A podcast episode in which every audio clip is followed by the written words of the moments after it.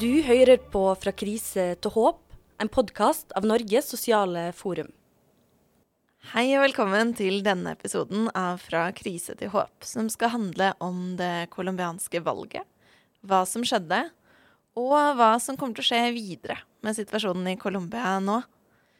Mitt navn er Ane Maus Sandvik, og med meg i studio så har jeg Jessica Buendia fra Latin-Amerika-gruppene. Hei og velkommen, Jessica. Det er veldig hyggelig at du ville komme hit for å gi oss en oppdatering og dele dine tanker rundt eh, det colombianske valget. Har du kanskje lyst til å starte med å bare fortelle oss litt om deg selv? Hvem du er, hva slags bakgrunn du har? Ja, hei Anne, og takk for invitasjonen. Jeg heter Jessica Buendia, og jeg kommer opprinnelig fra Colombia. Eh, fra Colombias hovedstaden, som er nemlig Bogotá. Jeg har bodd i Norge i tre år, og av de tre år jeg har bodd to i Bergen og ett i Oslo. Jeg er statsviter fra Universitetet i Barcelona og har en mastergrad i internasjonale relasjoner. Og jeg har fullført en mastergrad her i Norge i utviklingsstudier ved Universitetet i Bergen. Og som person og som colombiansk kvinne jeg er veldig engasjert i sivilsamfunnet. Og jeg tror at kampen er begge globale og lokale. Jeg bodde en del av livet mitt i Barcelona, hvor jeg lærte mye av grasrotorganisasjoner og ved å delta i demonstrasjoner mot privatisering av utdanning, folkehelse, arbeidsrettigheter og migrantsrettigheter. Og de siste årene har jeg vært veldig engasjert om, uh, for, uh, om kamp, for, med kampen for demokrati og fredsbevegelse i Colombia. Så jeg er uh, for tiden styremedlem av støttegruppen for fred i Colombia og medlem av Latin-Amerika-gruppen i Norge. Supert. Takk. Da vet vi litt mer om deg. Eh, vi gjennomførte jo en liveinnspilling om forfølgelse av sosiale ledere i Latin-Amerika før sommeren i samarbeid med Latin-Amerika-gruppene. Eh, der fokuserte vi jo særlig på Colombia og på Honduras. Og vi hadde med oss eh, Hector Ujoba fra SIH, eh, Diego Martin fra LAG, Latin-Amerika-gruppene, og Christian Klemetsen fra PBI Norge. Og siden den gang så har det jo skjedd en del ting i Colombia. Det har bl.a. vært eh, valg. Og det tenkte jeg vi kunne snakke litt mer om, men før det så lurte jeg på, kunne du forklart litt hvordan det politiske landskapet er i Colombia? Sånn, hvem er de store politisk, ulike politiske partiene? Har vi en høyre-venstre-akse, sånn som vi har i Norge? Så at vi vet litt hva vi snakker om.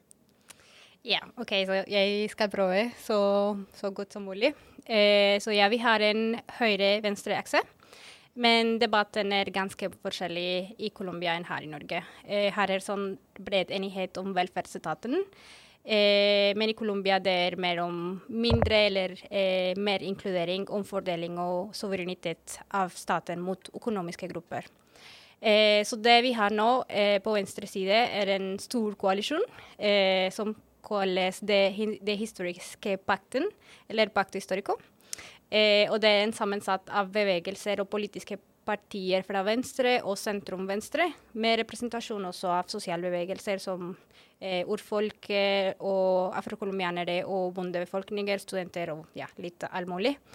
Eh, også tradisjonelle venstrepartier som eh, eh, kanskje er som gammels, litt mer gammeldagspartier. Eh, og så har vi i sentrum eh, smådeler av De grønne, De liberale og andre partier fra sentrum, som går fra sentrum høyre til sentrum venstre. Eh, generelt sentrum er ganske upopulært i dag i Colombia, og det har å gjøre med problemene som Colombia står frem, eh, men også pga. de interne kampene som er i sentrum.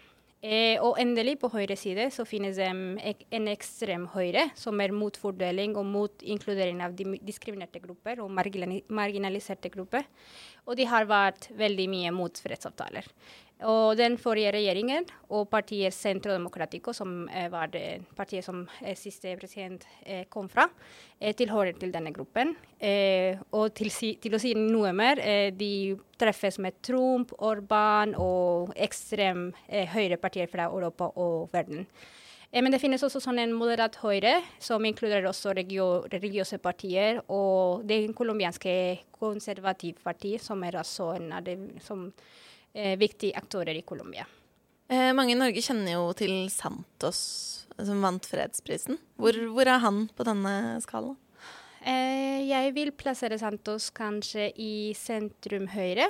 Eh, han, var, eh, han var en person som kom fra den ekstreme høyre, fra Alvaro Uribe parti, som var Han har sånn sin egen parti. Og så han flyttet til en annen parti, eh, som heter Parti Hello. Eh, og, men, men, som vi ser, han var veldig med fredsavtalen, og han var litt mer moderat, på en måte.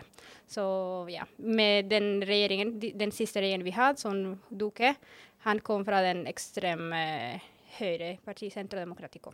Hmm. Ikke sant. Ja. tenker det er fint å si, for jeg tror at i Norge så har vi ofte inntrykk av at Santos han er sånn kjemperadikal fyr som bare var helt for fredsavtalen, og alt var bra med ham. Så glemmer man at han har jo sittet i Uribe sin regjering, ja. Ja. blant annet. Mm. Mm. Eh, hva med valget? Hva skjedde egentlig i valget? Så det var en lang politisk valgkamp. Det var gøy, men det var også veldig mye redd.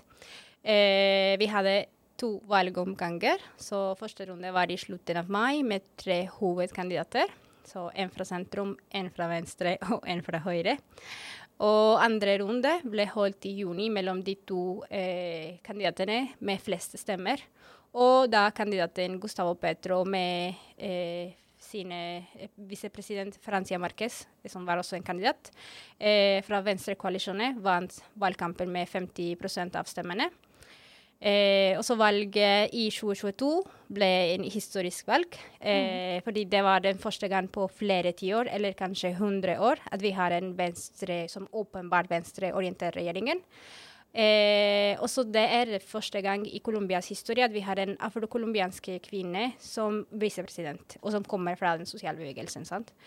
Så jeg har litt sånn sjekket i Colombias historie. Eh, og min, min, det, i det minste siden 1998 eh, har Colombia alltid eh, Det har alltid vært styret av høyreorienterte partier. Eh, også det har vært alltid de samme menneskene, de samme familier, det samme etternavnet. Og så har det vært litt politisk eh, veksling. Så det var veldig, veldig viktig for oss. Kjempe, ja. Det er jeg veldig, veldig glad for. Gustavo Petro, hva slags bakgrunn har han? Hvor, hvor kommer han fra? Ok, Gustavo Petro, han, eh, han, er, eh, han kommer fra Han hadde en egen parti som er eh, Colombia Humana. Ellers han kommer fra den bevegelsen. Mm. Men tidligere han var en geriljamedlem eh, fra en bevegelse som heter eh, M19, eller M19. Eh, også han har vært eh, en av de som eh, hjelpet for å eh, skrive den nye konstitusjonen i Colombia i 90-tallet. Eh, så han har vært også en politiker som har på en måte eh, endret seg veldig mye i de, de, de, siste 30 år. han er økonom, utdannet økonom.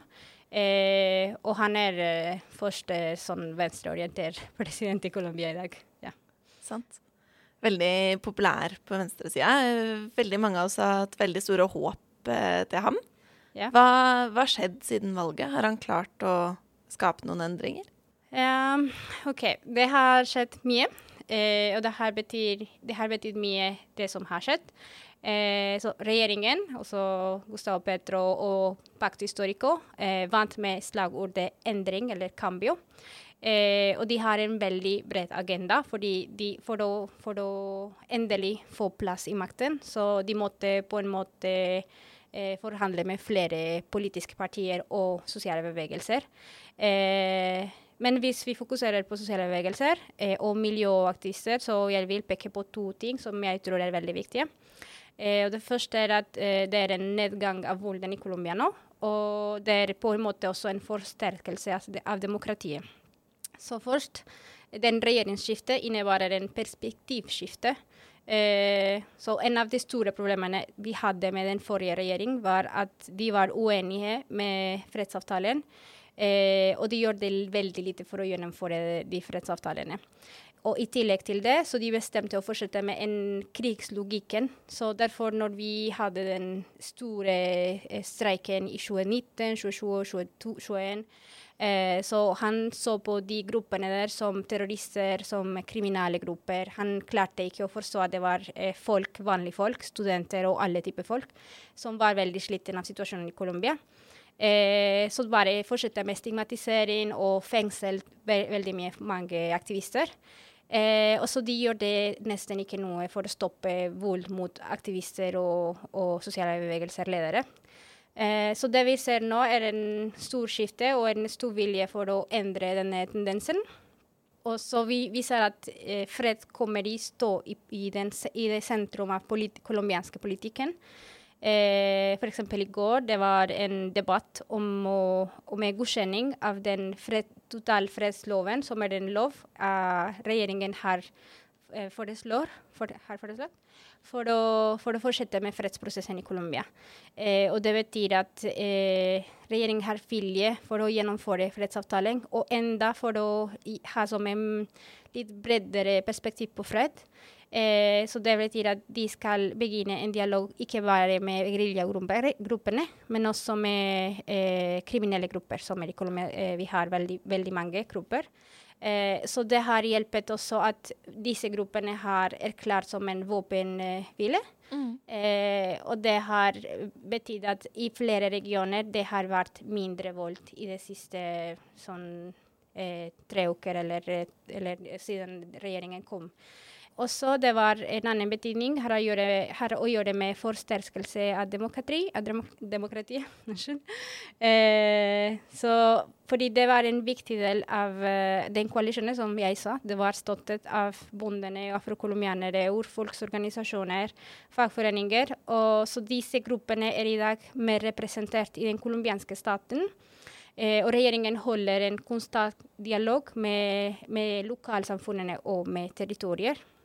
Så for, i, for øyeblikket det har ikke vært som en regjering som driver landet fra en kontor, men som reiser og snakker med folk. Og det er på begge deler. Det er Francia Marquez og Gustavo Petro som gjør det. Eh, så, så, vi ser den perspektivskiftet og den mer, som en mer representativ politikk.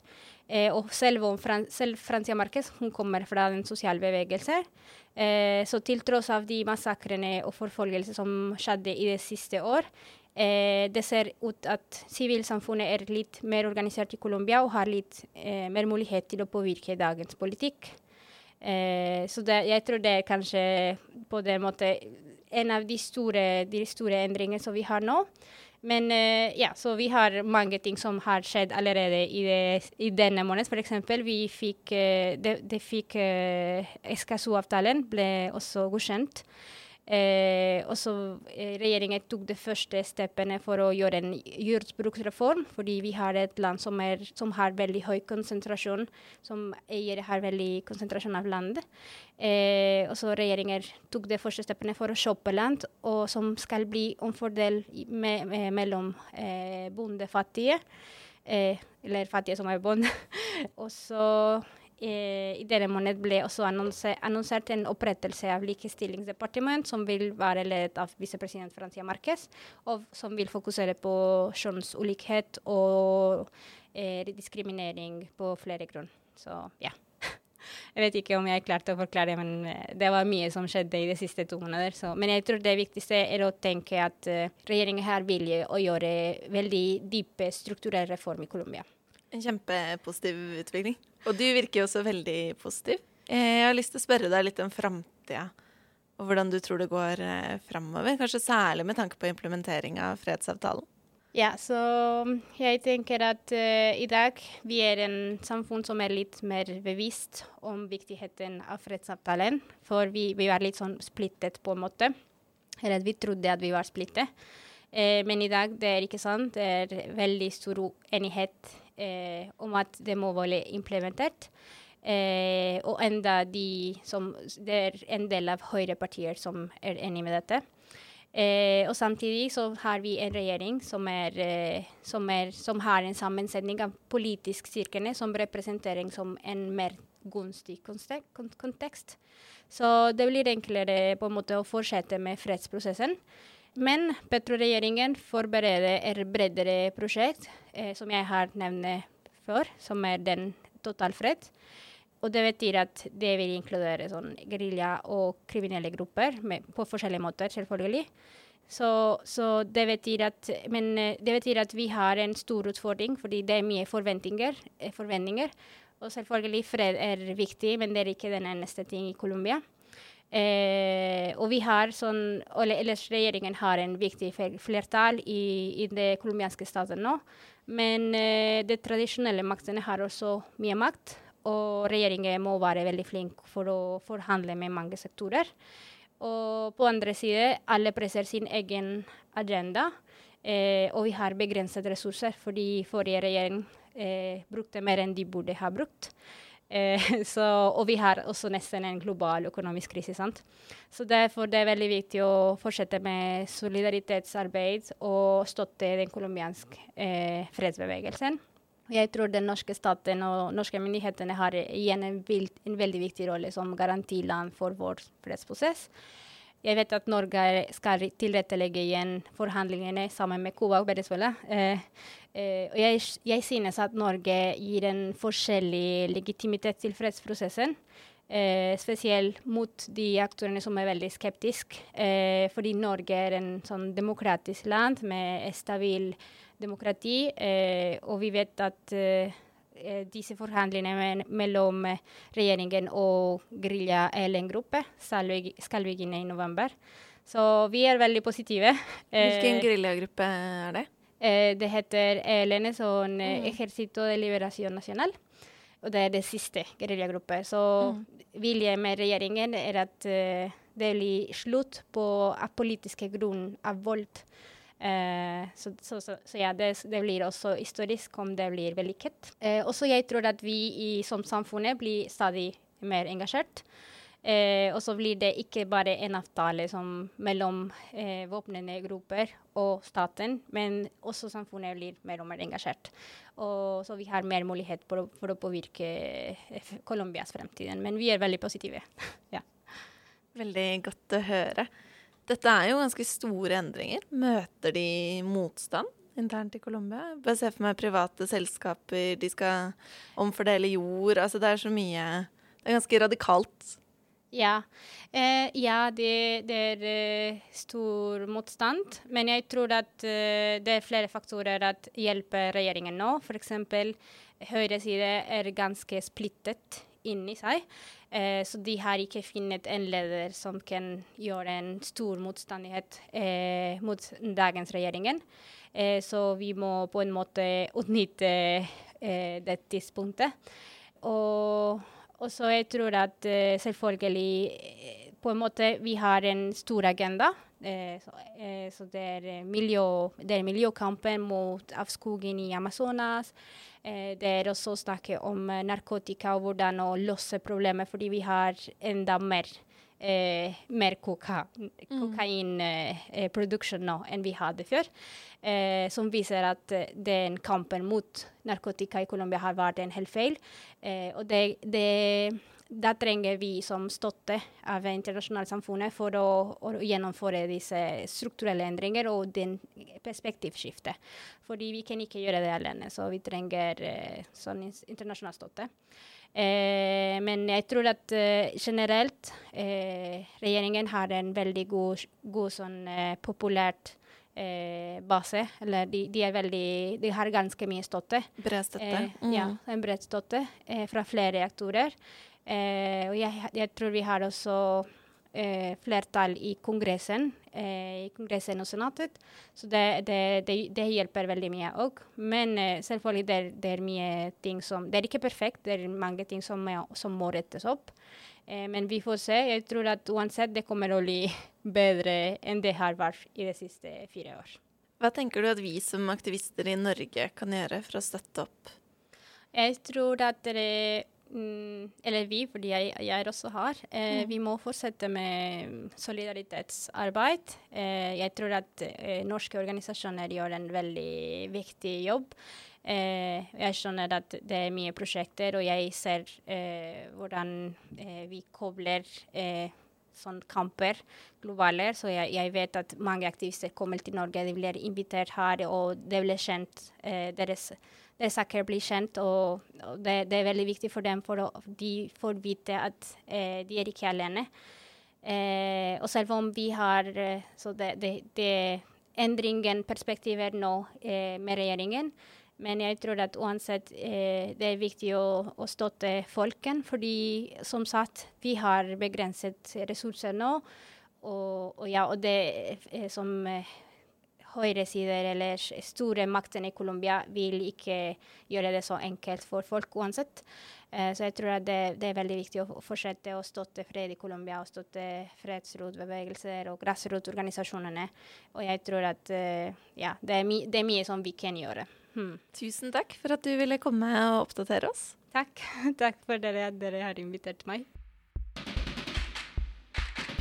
Denne episoden er laget i samarbeid med Latinamerikagruppene.